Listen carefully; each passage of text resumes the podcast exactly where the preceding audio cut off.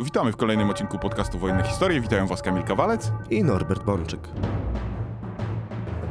Co tydzień przybliżamy Wam szereg zagadnień oraz obalamy wiele mitów związanych z II wojną światową.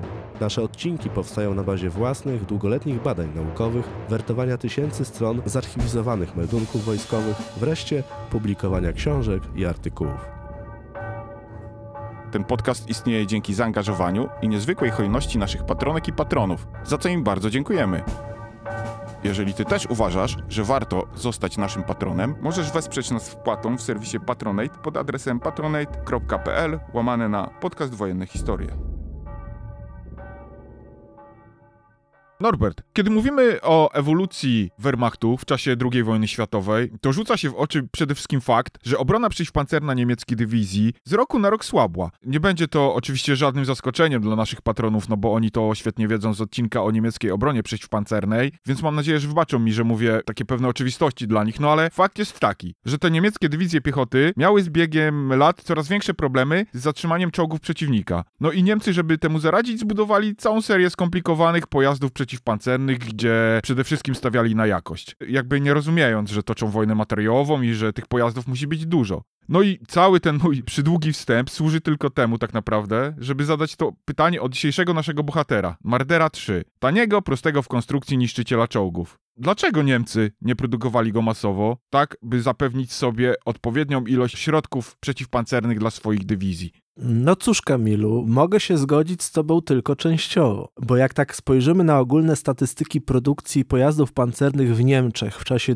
II wojny światowej, to jednak zauważymy, że ciężkich konstrukcji było wyraźnie mniej niż średnich, a nawet średnich i lekkich. To znaczy, powiedziałeś, że Niemcy stawiali na jakość. Ja bym raczej powiedział, że stawiali na siłę, ale bardziej na skomplikowanie, a nie na jakość. To znaczy, bojowe pojazdy niemieckie były na tle swoich zachodnich czy wschodnich odpowiedników strasznie technicznie przekombinowane. Natomiast rzeczywiście jest tak, że przez cały okres II wojny światowej dowództwo niemieckich wojsk pancernych mierzyło się z zagadnieniem, z wyzwaniem skutecznej obrony przeciwpancernej dlatego że obrona przeciwpancerna i armaty przeciwpancerne i pododdziały przeciwpancerne były w Wehrmachcie częścią wojsk pancernych. I niemieckie wojska pancerne dzieliły się na takie dwie odnogi: na jednostki czołgowe i na jednostki przeciwpancerne o charakterze i holowanych armat, a potem również właśnie dział samobieżnych. I w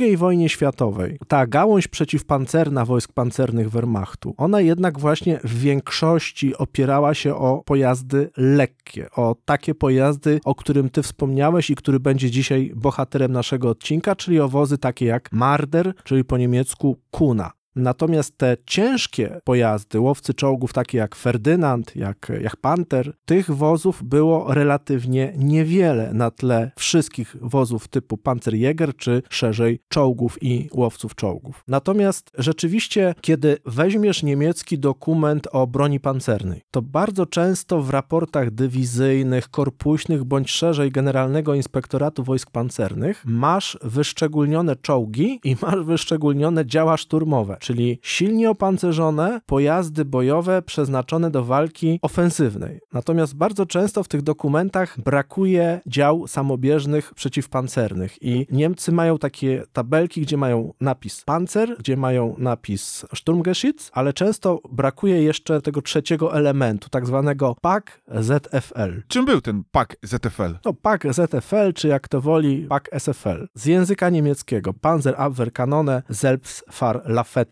czyli samobieżna armata przeciwpancerna. I to były przede wszystkim właśnie mardery. No dlaczego one były traktowane tak po macoszemu? Przez samych Niemców. Dlatego, że to były jednostki Panzerjäger, a nie pancer. To znaczy w wojskach pancernych bardzo często lubowano się w meldowaniu tylko pojazdów przeznaczonych do własnych działań ofensywnych i to były właśnie czołgi, ewentualnie działa szturmowe. Natomiast mardery to było coś w rodzaju ni pies, ni wydra, coś na kształt świdra. To znaczy musimy sobie zdawać sprawę, że pododdział przeciwpancerny uzbrojony w działa holowane jest co do zasady raczej środkiem obronnym, środkiem defensywnym. Natomiast ta sama armata osadzona już na podwoziu gąsienicowym będzie niejednoznacznym narzędziem na polu walki. To znaczy dowódca pododdziału może mieć tendencję i chęć wykorzystania takiego narzędzia w działaniach również ofensywnych, co będzie powodowało pewną kolizję z dowódcą pododdziału przeciwpancernego bądź dowódcą określonego pojazdu, dlatego że oficer piechoty na przykład widząc działa samobieżne takie jak Marder, będzie chciał je wykorzystać w ataku, podczas gdy dowódca pododdziału przeciwpancernego będzie mu tłumaczył, że te pojazdy, mimo że wyglądają jak czołgi, nie do końca nadają się do ataku. Z racji swojego słabego opancerzenia i odkrytych przedziałów bojowych. Ale teoria walki, taktyka jedno, życie drugie i w latach 43-45 wielokrotnie Niemcy używali swoich marderów, swoich samobieżnych dział przeciwpancernych do wykonywania kontrataków, bo no, taka była po prostu natura Wehrmachtu, taka była natura niemieckich wojsk lądowych w ramach tego Wehrmachtu, że nawet w obronie premiowano atak w rozumieniu wykonywania różnego rodzaju taktycznych przeciwuderzeń. Co spowodowało, że koniec końców Niemcy szybko doszli do wniosku, że ten marder jest bez sensu. I w roku 1944 tak naprawdę możemy powiedzieć, że tego typu pojazdy zaczęły zanikać. Od wiosny 1944 roku Niemcy skupili się na produkcji pojazdów rzeczywiście nadających się do kontrataków i wówczas rozbłysła ta gwiazda Panzerjägera Hetzera, tego pojazdu, który zastąpił Mardery. No właśnie, ale zanim powiemy w ogóle, y, bo tak zaczęliśmy tak trochę jak w przypadku Wydry od końca,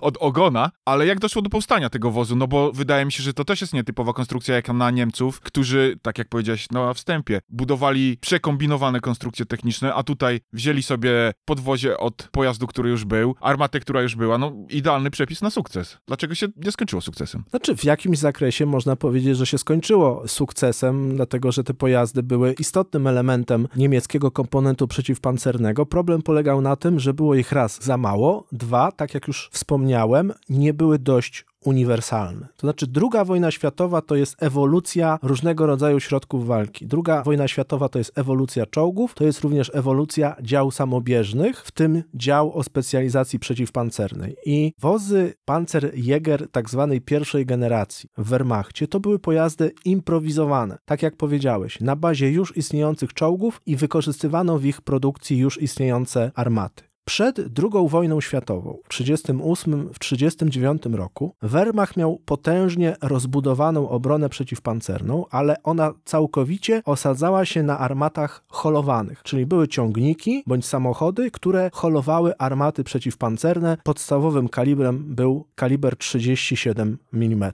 I Niemcy wiedzieli, że jeszcze lepsze efekty da osadzenie tych armat na pojazdach gąsienicowych, tak aby one mogły towarzyszyć w walce czołgom. To znaczy Niemcy w roku 1939, jak zaczynali wojnę, to w teorii zakładali, że będą mieli bataliony czołgów, a więc wodzów na gąsienicach, będą mieli bataliony strzelców zmotoryzowanych na też tak naprawdę gąsienicowych, formalnie półgąsienicowych transporterach, które będą mogły towarzyszyć czołgom w każdym terenie, że artyleria samobieżna docelowo również będzie na podwoziach gąsienicowych, choć w 1939 roku jeszcze nie była, i że wybrane pododdziały Panzerjäger również będą korzystały z takiej samej trakcji gąsienicowej, czyli że cała prawdziwie zmechanizowana dywizja na szczeblu różnych pododdziałów, nie tylko pancernych, przejdzie na trakcję gąsienicową. To była idea, to była teoria, ale ona nie była przekuta w praktykę. W 1939 roku po kampanii polskiej zaczęli Niemcy wycofywać część swoich czołgów lekkich Panzer I ze służby i niektóre z nich adaptowali pod samobieżne działa przeciwpancerne. Uzbrajali je w czeskie armaty przeciwpancerne kaliber 47 mm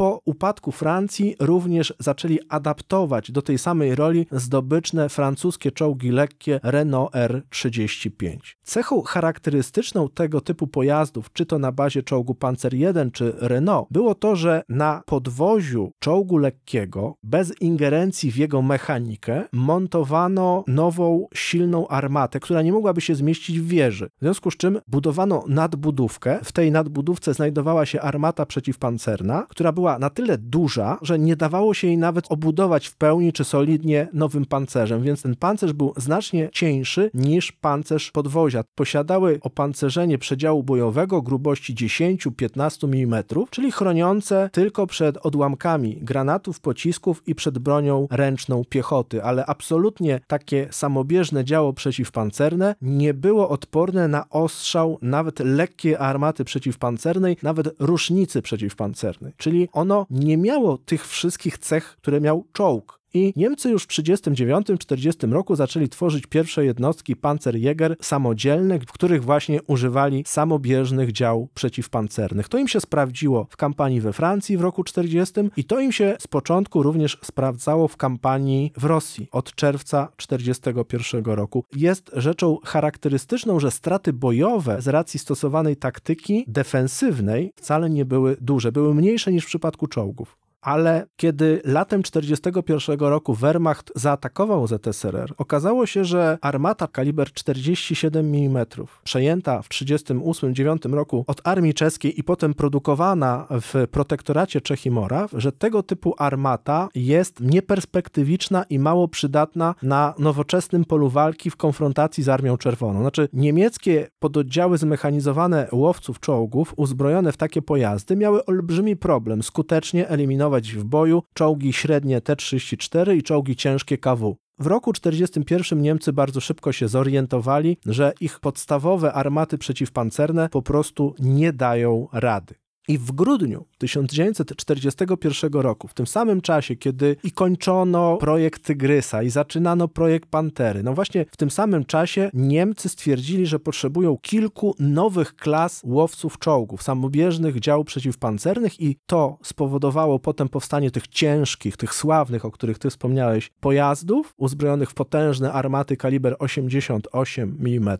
ale również w grudniu 1941 roku rozpoczął się proces konstruowania lekkich, samobieżnych dział przeciwpancernych, gdzie nośnikiem miały być podwozia czołgów lekkich. A co powodowało Niemcami, że zdecydowali się wykorzystać właśnie taką konfigurację sprzętową? Czy tutaj decydujące było przeświadczenie, że takiego sprzętu będzie można zrobić dużo? To znaczy, najważniejszą zaletą czołgów lekkich, oprócz ich wad, było to, że wciąż były w produkcji. To przede wszystkim dotyczy jednego konkretnego modelu, czołgu lekkiego Panzer 38T. To był czesko-niemiecki czołg lekki, który w niektórych niemieckich dywizjach pancernych pełnił rolę analogiczną do czołgu średniego Panzer III. To znaczy były takie niemieckie pododdziały pancerne, które używały tandemu czołgu Panzer III, Panzer IV i były takie, które używały tandemu czołg Panzer 38T i Panzer IV jako czołg wsparcia. I produkcja czołgu Panzer 38T była produkcją wielkoseryjną. Inaczej niż w przypadku czołgu Panzer II, którego produkcja była schodząca, tutaj mieliśmy rozkręconą w zakładach BMM, czyli przedwojennych zakładach CKD w Czechach, wielkoseryjną produkcję czołgów lekkich. I nie można tak po prostu łatwo zaprzestać produkcji czołgu w jakiejś fabryce, bo musimy sobie zdawać sprawę, że producent finalny to jest miejsce, gdzie się czołg składa, on powstaje z podzespołów, które przychodzą z bardzo wielu różnych miejsc. Jeżeli mamy zakład produkujący silniki, zakład produkujący przekładnie, zakład produkujący gąsienice i tak dalej, i tak dalej, to jeżeli decydujemy się zaprzestać produkcji jakiegoś czołgu i nie, nie zrobimy zmiany profilu produkcji w jednym zakładzie, ale od razu to wiąże się ze zmianą profilu produkcji albo ze przejściem na osobny model produkcji w kilkudziesięciu bądź co najmniej kilkunastu zakładach podwykonawczych. Czyli Niemcy stwierdzili, że czołgi lekkie nie mają przyszłości, ale nie mogli tak po prostu wyrzucić całego systemu produkcji czołgów Panzerkampfwagen 38T do kosza. No bo czy silniki Praga, czy gąsienice, no nie mogli tak po prostu wyrzucić do kosza. Musieli płynnie zaadoptować istniejący system produkcyjny, sieć powiązań i zakładów do nowej konstrukcji. I przez całą II wojnę światową na terenie protektoratu Czech i Moraw, w zakładach czy to Szkody, czy CKD, wówczas pod niemieckim zarządem, produkowano czeską broń. I produkowano również czeskie pojazdy bojowe, które korzystały z czeskich silników, z czeskich przekładni, z czeskich skrzyń biegów itd., tak itd. Dlatego wozy Panzer 38T najpierw wyewoluowały w rodzinę wozów Marder 3, a potem wyewoluowały w Hecera, bo to nie koła, szerokość kadłuba, czy nawet sposób odlewania pancerza, chociaż to ostatnie jest istotne, ale to nie było najważniejsze. Najważniejsze był dostęp do podzespołów, takich jakie one były produkowane w Czechach. I historia wozu, który potem zostanie na rozkaz Hitlera nazwany Marderem 3 Kuną, ona zaczyna się właśnie w grudniu 1941 roku, kiedy zapada decyzja, że żeby nieperspektywiczny czołg lekki produkować dalej, ale produkować go już jako działo samobieżne, czyli zostawiamy podwozie, które już mamy, pozbywamy się wieży, w miejsce wieży z armatą kaliber 37 mm i karabinem maszynowym montujemy potężną armatę przeciwpancerną, obudowujemy to częściowo lekkim pancerzem bocznym, zostawiamy odkryty od góry przedział bojowy i w ten sposób otrzymujemy broń nieco innego typu, ale wciąż przydatną i w pełni spełniającą wymagania pola walki. I co ciekawe, Niemcy na przełomie 41 i 42 roku wdrażali do uzbrojenia swoją nową docelową armatę przeciwpancerną. PAK 40 kaliber 75 mm. To była kolejna generacyjnie niemiecka armata przeciwpancerna, bo zaczynali wojnę z 37 mm armatami, wdrożyli dopiero co nową armatę PAK 38 kaliber 50 mm, o której sądzili, że będzie ich podstawową armatą w kolejnym etapie wojny, ale bardzo szybko się przekonali, że z racji użycia masowego czołgów ciężkich przez Rosjan ta armata może być niewystarczająca, więc wdrażali armatę PAK 40 ale mieli problem, bo wymagało czasu masowe uruchomienie jej produkcji. I nie było na razie armat tego typu dla wozów Marder 3. Tak samo jak z początku nie było armat tego typu dla wozów Marder 2, bo również na bazie czołgów Panzer 2 postanowiono zaprojektować całą serię różnorodnych dział samobieżnych i wykorzystali Niemcy sytuację taką samą jak wcześniej po zaborze Czech. Otóż, jak powiedziałem, po zaborze Czech przejęli duże ilości czeskich armat przeciwpancernych, a w wyniku operacji Barbarossa zdobyli na polu walki relatywnie dużą liczbę bardzo dobrych armat różnego kalibru i typu Armii Czerwonej. Jedną z takich armat była radziecka armata wzór 36, tak zwana F-22, kaliber 76,2 mm ta armata była bardzo podobna pod względem walorów balistycznych, jak ich dopiero co projektowana, wdrażana do służby armata 75 mm. I znowu, tak jak wcześniej na zdobycznym francuskim czołgu lekkim Renault posadzili przejętą czeską armatę przeciwpancerną kaliber 47 mm, tak teraz na tym produkowanym w protektoracie Czech i Mora w czołgu Panzer 38T posadzili zdobyczną radziecką armatę F-22. I tak zaczyna się historia wozów Marder. Wiosną 1942 roku Niemcy zaczynają produkować właśnie wozy Marder 3. I to jest znowu proces ewolucyjny, bo po pierwsze Hitler w rozmowie z nowym ministrem uzbrojenia Albertem Szperem wiosną 1942 roku żądał natychmiastowego zaprzestania produkcji czołgów lekkich, bo są bez sensu, i zażądał natychmiastowej produkcji marderów, ale to, że wódz chciał, to jedno, a rzeczywistość to drugie. Po pierwsze, powiedziano Hitlerowi, że armat przerobionych, dostosowanych do montażu na wozy samobieżne jeszcze nie jest tak wiele, więc nie możemy od razu przerwać produkcji czołgów. Do, produkujmy do końca całą serię czołgów lekkich, a potem dopiero jak już tych armat będzie więcej, możemy w pełni przestawić się na produkcję dział samobieżnych. A po drugie, na razie tak czy inaczej musimy używać zdobycznych armat radzieckich. Zapotrzebowanie na nowe paki jest tak duże, że każdy je chce. Wojska przeciwpancerne chcą te armaty. Wojska pancerne chcą te armaty w wersjach czołgowych. Artyleria chce tych armat w wersji do dział szturmowych i tak dalej, i tak dalej. Mamy za małe moce produkcyjne. Wykorzystajmy najpierw zdobyczną broń. No to Hitler się zgodził, no i zaczęła się właśnie historia Mardera 3. No i czy ten Marder 3 yy, nie był właśnie remedium na walkę z czołgami przeciwnika? Jak historia pokazała, tak naprawdę jak pojawiła się armata przeciwpancerna PAK-40 i wszystkie jej wersje rozwojowe, klony, siostry, bracia, to była to broń, która przeciwko czołgom takim jak T-34 czy nawet KW, Sherman, Cromwell, była zupełnie wystarczająca do końca II wojny światowej. To już była armata za słaba na przykład na czołg IS, ciężki czołg kolejnej generacji Armii Czerwonej, ale na te wszystkie pojazdy, które dominowały na polach walki II wojny światowej, światowej to była armata w pełni wystarczająca. I ten Marder, ten pak SFL, ZFL, on był uzbrojony, miał solidne żądło, to znaczy to była broń rzeczywiście będąca odpowiedzią na kryzys, na zagrożenie bronią pancerną przeciwnika. To był groźny wóz przeciwpancerny, tylko że to po prostu była armata przeciwpancerna osadzona na podwoziu czołgu. No ale czy to nie jest broń idealna do wojny totalnej? Łatwo montujemy na czymś, czego mamy dużo, mówię tu o podwoziach, świetną armatę przeciwpancerną i w ten sposób zapewniamy naszym dywizjom ochronę przeciw tym masom na przykład radzieckich czołgów. Tak, miałbyś 100% racji, ale jest jedno ale. Masowość produkcji. To znaczy, ani czołgów Panzer 38 Niemcy nie produkowali jakoś bardzo dużo, bo ostatnia seria produkcyjna, która się wówczas znajdowała na liniach montażowych, to było zamówienie na 500 wozów, ani nie produkowali jeszcze zbyt dużo armat przeciwpancernych, tych ciężkich, no bo zobacz, ile materiałów trzeba zużyć, jakie technologie zastosować przy produkcji ciężkiej, potężnej, ważącej półtorej tony armaty, a jakie przy produkcji armaty lekkiej. Oczywiście reżimy technologiczne dla lufy, nawet lufy tego typu są wysokie, ale materiałochłonność jest nieporównywalna. Czyli Niemcy musieli nauczyć się seryjnej produkcji przeskalowanej broni. To zajmowało czas. I ten Marder 3 z tą naprawdę nowoczesną, zdobyczną radziecką armatą F-22, bo wciąż jeszcze nie mówimy o paku 40, tak? Ale wiosną, latem 42 roku zaczęły się pojawiać wozy Marder 3 z radzieckimi zdobycznymi armatami kaliber 76 mm.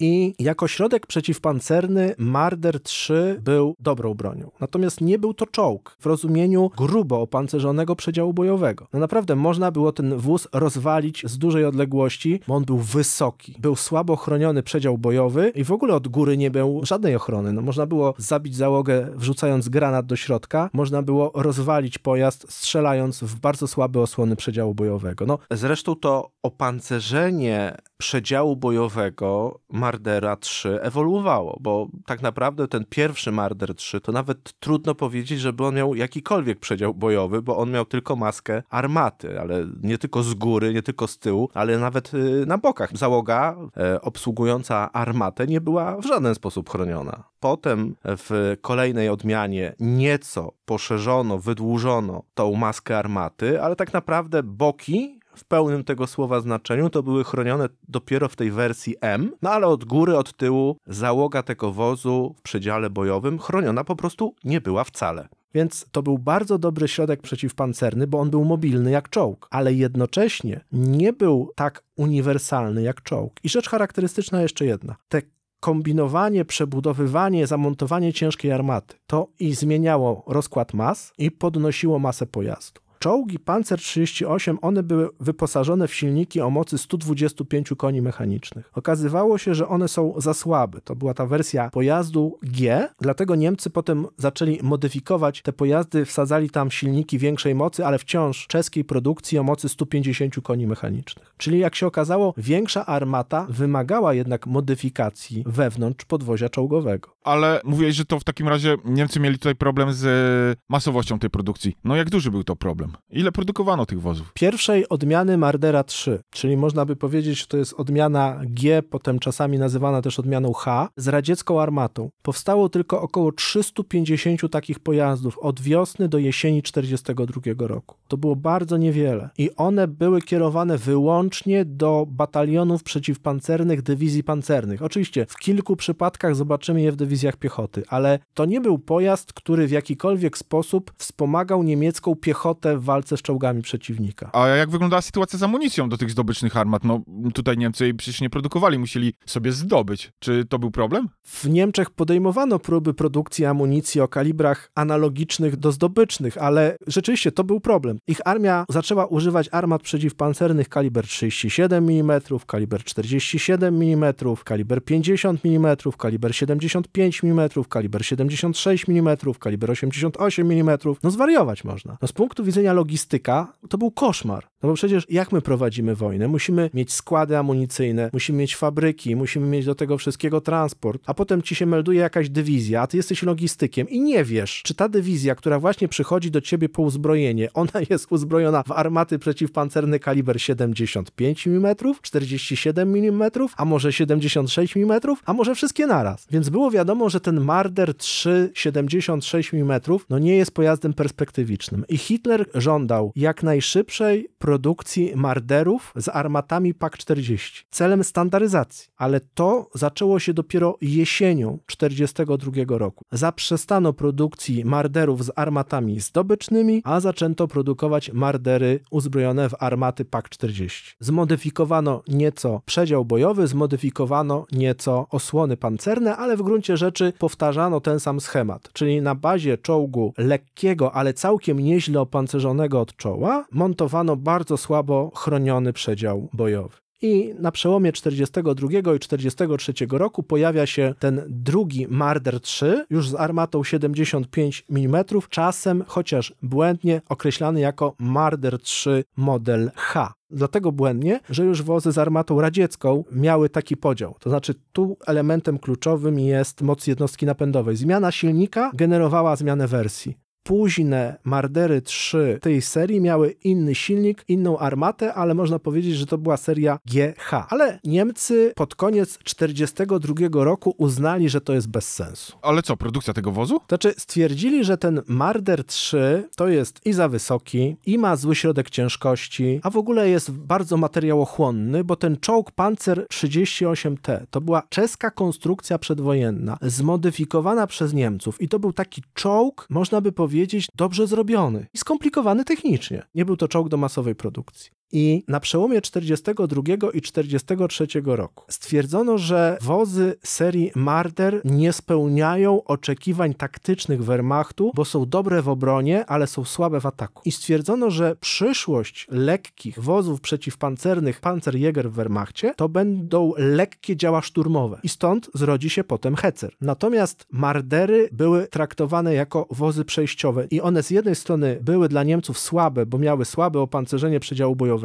ale z drugiej strony były słabe, bo były zbyt skomplikowane ich podwozia. Te czołgi Panzer 38 były z punktu widzenia masowej produkcji w wojnie masowej już nieakceptowalne. Należało uprościć konstrukcję podwozia. I wiosną 1943 roku do produkcji seryjnej weszła już trzecia odmiana czeskiego Mardera 3. I to była tak zwana odmiana M. Ona jest bardzo charakterystyczna i łatwo ją odróżnić od wcześniejszych Marderów 3, dlatego że przedział bojowy w tym pojeździe został przesunięty do tyłu, przedział silnikowy umieszczony centralnie, zrezygnowano ze stanowiska strzelca radiotelegrafisty w kadłubie i tam została tylko taka budka dla kierowcy. Natomiast radiotelegrafista został przeniesiony do otwartego przedziału bojowego, w związku z czym w bardzo niewielkiej przestrzeni umieszczono aż trzech załogantów. Ładowniczego celowniczego, radiotelegrafistę i dowódcę. Czyli była to głęboka modyfikacja. Czy ona w jakiś sposób uprościła no, produkcję tego wozu? Tak, przy czym to uproszczenie produkcji oznaczało uproszczenie produkcji podwozia ten pojazd już cały był lekko opancerzony. To już nie było solidnie opancerzonej wanny kadłuba czołowo. Marder 3 wersji M był licho opancerzony z każdej strony. Radziecki bojec uzbrojony w rusznicę przeciwpancerną tak naprawdę mógł próbować go obezwładniać niezależnie od tego, w jakiej pozycji się znajdował. Czyli Niemcy narzekali już wcześniej na uniwersalność tego Mardera, a tutaj zrobili wóz jeszcze mniej uniwersalny. Czemu miało to służyć? Znaczy, to była przejściówka do wozu docelowego, to znaczy już w ramach ramach Adolf Hitler Panzer Program pod koniec 1942 roku założono, że rozpocznie się na terytorium Czech i Moraw masowa produkcja wozów Hecer.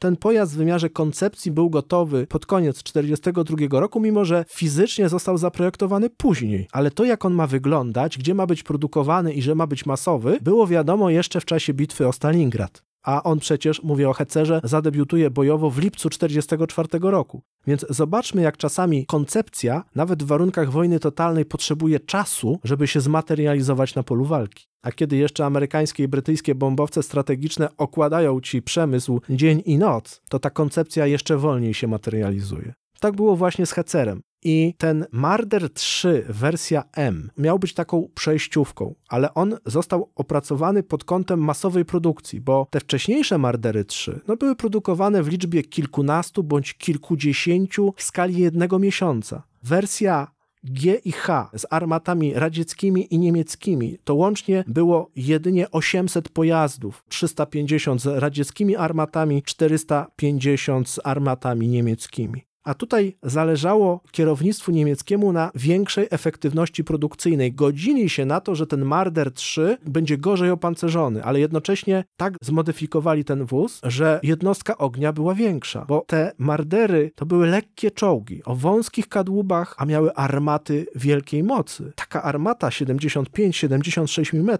no to przecież strzela potężnymi pociskami. Naboje do takich armat są relatywnie duże w stosunku do kubatury kadłuba czołgu lekkiego. I Mardery 3 zabierały mało amunicji, na przykład 30 sztuk. To na polu walki zdecydowanie za mało. Marder w wersji M miał nieco więcej amunicji 38 sztuk, ale załoga funkcjonowała w wyjątkowej ciasnocie przedziału bojowego. To zresztą potem skutkowało tym, że Hecer miał jednak poszerzony kadłub. W stosunku do czołgów Panzer 38 Hecer był szerszy i niższy. Natomiast wracając do Mardera w wersji M, to jest wóz, który zaczęto produkować wiosną 1943 roku i czekano na opracowanie Hetzera, ale wzmacniano produkcję. Hitler zażądał co najmniej 150 takich pojazdów miesięcznie. Nigdy nie osiągnięto tego, nigdy nie zrealizowano rozkazu Hitlera, ale jesienią 1943 roku no, zbliżono się do tego 140 pojazdów w skali miesiąca. Natomiast na początku roku 1944 ta produkcja była upośledzana z dwóch powodów. Z jednej strony czekano już na Hetzera, ale z drugiej strony zarówno wozy Marder 3 w wersji G, jak i H, jak i teraz w wersji M musiały dzielić swoje podwozia z produkcją innych dział samobieżnych, na przykład ciężkich dział piechoty kaliber 150 mm,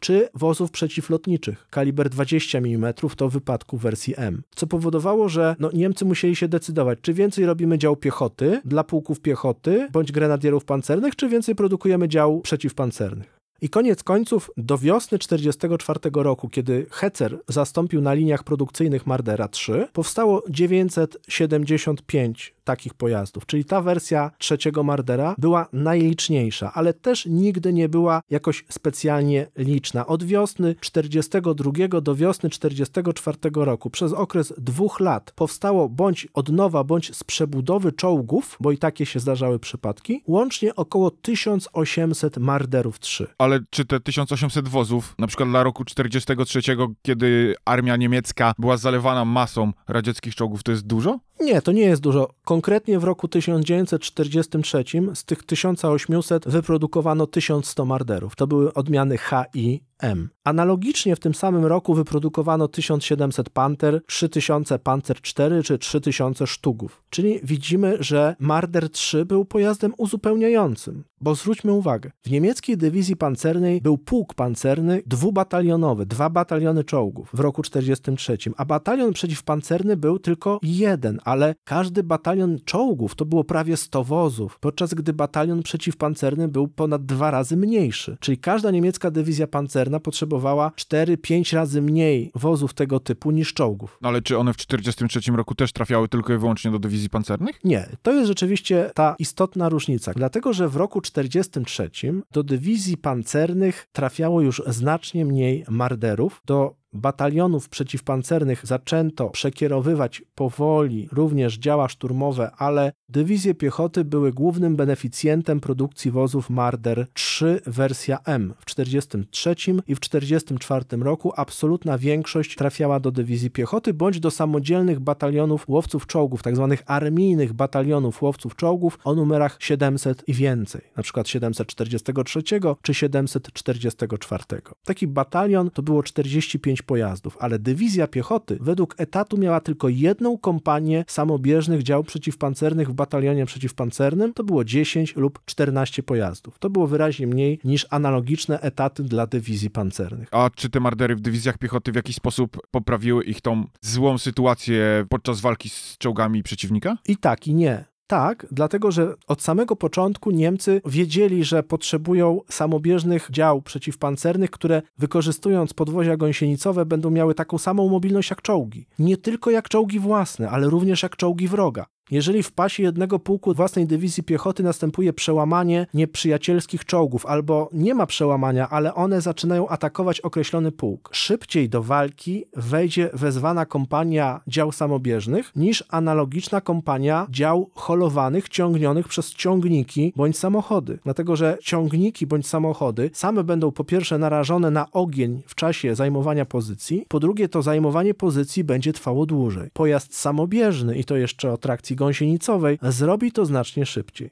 Więc dowódca określonej dywizji piechoty, mając kompanię marderów, mógł szybciej reagować na zagrożenie i w wymiarze taktycznym w obronie mardery się sprawdzały. Ale to niemieckie DNA pola walki, te ciągłe kontratakowanie, ryglowanie, odzyskiwanie utraconych pozycji, to wymagało od Niemców tak naprawdę innego typu pojazdu. Stąd wizja Hetzera i stąd jednak zastępowanie w dywizjach piechoty Wehrmachtu w roku 1944 wozów Marder, a więc wozów słabo opancerzonych, działami typu Sturmgeschütz bądź właśnie Hetzer. Czyli Niemcy zaczęli w 1944 roku te mardery zastępować w dywizjach w pełni opancerzonymi działami szturmowymi, bo tak jak powiedziałem, uznali, że to kontrataku do obrony uniwersalnym narzędziem będzie działo szturmowe, czyli taki troszkę tańszy czołg. I ta gwiazda Mardera zaczęła gasnąć. Niemcy z racji tego, że posiadali kilkaset dywizji, to rozproszyli bardzo mardery, przestali również w dużych ilościach dostarczać się do dywizji pancernych, co spowodowało, że w roku 43, a potem w roku 44, kiedy my przeglądamy stany poszczególnych niemieckich dywizji pancernych bądź grenadierów pancernych, to te mardery wciąż tam są, ale w śladowych ilościach te teoretycznie kompanie wyposażone w mardery mają bardzo niski stan ukompletowania sprzętowego, bo większość produkcji tychże marderów idzie albo do dywizji piechoty, albo zgoła w ogóle już się ich nie produkuje.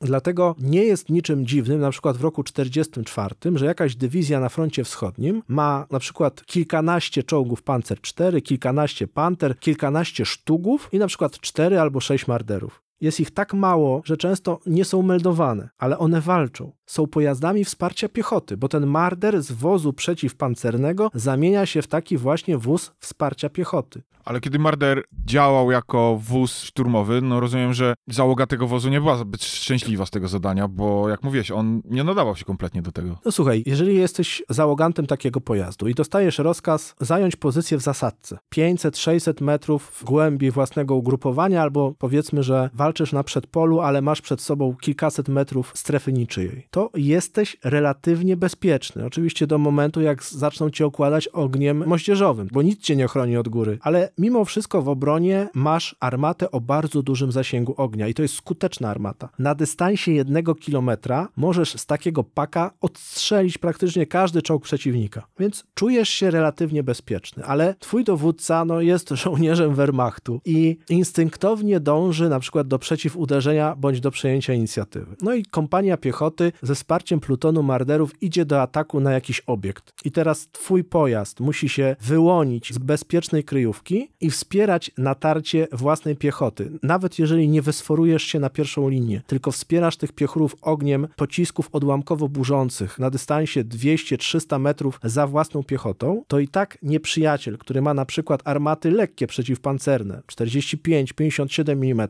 widzi ten twój wóz meblowy. Nie jest to oczywiście pojazd tak wielki jak Ferdynand, ale jednak rzuca się w oczy i może cię, mówiąc kolokwialnie, zdjąć. Nie ma problemu, żeby z 45 mm klasycznej radzieckiej armaty przeciwpancernej rozwalić takiego mardera nawet na średniej odległości. A czy właściwie Niemcy kiedykolwiek brali pod uwagę, że ten wóz będzie masowym wozem w kompaniach przeciwpancernych, czy jednak było tak, że ciągle czekali na tego mitycznego Hecera? Czekali na mitycznego Hecera i czekali na masowość szturmgeszyców w dywizjach piechoty. Mardery były pojazdami przejściowymi, były pojazdami improwizowanymi. Cała produkcja wozów Marder w latach 42-44 to jest improwizacja podyktowana potrzebą chwili. Czyli Niemcy mieli całą gamę wozów przejściowych. No bo mieli i nosorożca, Ferdynanda, no żeby tak na szybko wymienić tylko te dwa wozy. Czemu służyła tak koncepcja? Dlaczego oni robili tak dużo tych wozów przejściowych? Ktoś może złośliwie powiedzieć, że nie przygotowali się właściwie, ale nie jest to do końca prawda. Znaczy, jest takie powiedzenie: potrzeba matką wynalazku. Przygotowałeś się do określonej wojny, a okazuje się, że prowadzisz inną. Zakładałeś, że będziesz potrzebował lżejszych armat przeciwpancernych. Okazuje się, że potrzebujesz cięższych. Sądziłeś, sądziłeś, że produkcja czołgów lekkich będzie trwała dłużej. Okazuje się, że będzie trwała krócej, bo stały się nieperspektywiczne i nieprzydatne na polu walki. Ale tu uwaga, w Związku Radzieckim czołgi lekkie produkowano znacznie dłużej, tak naprawdę. Również Amerykanie czołgi M3, M5 używali do końca wojny, więc niekoniecznie ten czołg lekki stracił zupełnie sens. Natomiast olbrzymia masa czołgów używana przez Armię Czerwoną i niemiecka doktryna poszukiwania jak najskuteczniejszej obrony przeciwpancernej w taktycznym i operacyjnym tego słowa znaczeniu pchała Niemców do rozwoju wozów Marder, tym bardziej jak powiedziałem, oni nie za bardzo mieli wybór. Nie mogli z dnia na dzień wygasić produkcji seryjnej czołgów Panzer 38. Czyli Marder 3 jest takim kolejnym dowodem na to, że wojna totalna totalnie zaskoczyła Niemców, że nie spodziewali się tego typu wojny. Znaczy ja bym powiedział inaczej. Zgadzając się z tobą, że trochę ich to zaskoczyło, zwłaszcza to, że tak szybko będą się zmieniały wymagania pola walki, bo nie wojna ich zaskoczyła,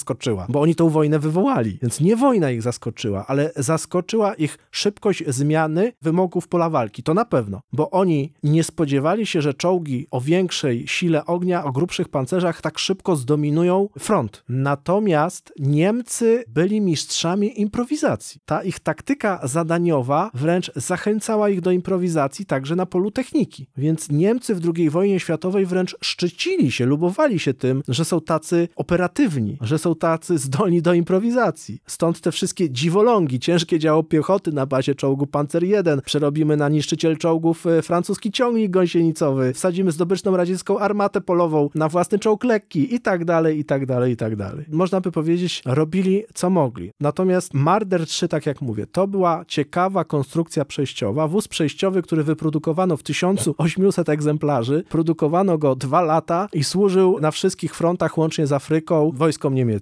Natomiast ogólna ocena wozu Marder 3 jest niejednoznaczna. Jeżeli traktujemy go jako zastępnik, jako improwizację, to on był całkiem niezłym pojazdem. Natomiast on był pojazdem w armii niemieckiej ewidentnie niechcianym. Niemcy potrzebowali pojazdów o innych założeniach taktyczno-technicznych takich pojazdów w dużej masie doczekali się dopiero w roku 1944. I wówczas Marder 3, można powiedzieć, był już pojazdem nieperspektywicznym, schodzącym i znajdującym się na wyposażeniu coraz mniejszym liczby jednostek i związków taktycznych. No a jaki był los jego następcy Hecera? O tym już rozmawialiśmy w jednym z odcinków. Jeżeli ktoś z naszych słuchaczy go przegapił, to z przyjemnością odsyłamy do tego odcinka. A zatem dziękuję Ci bardzo i do usłyszenia. Dziękuję bardzo.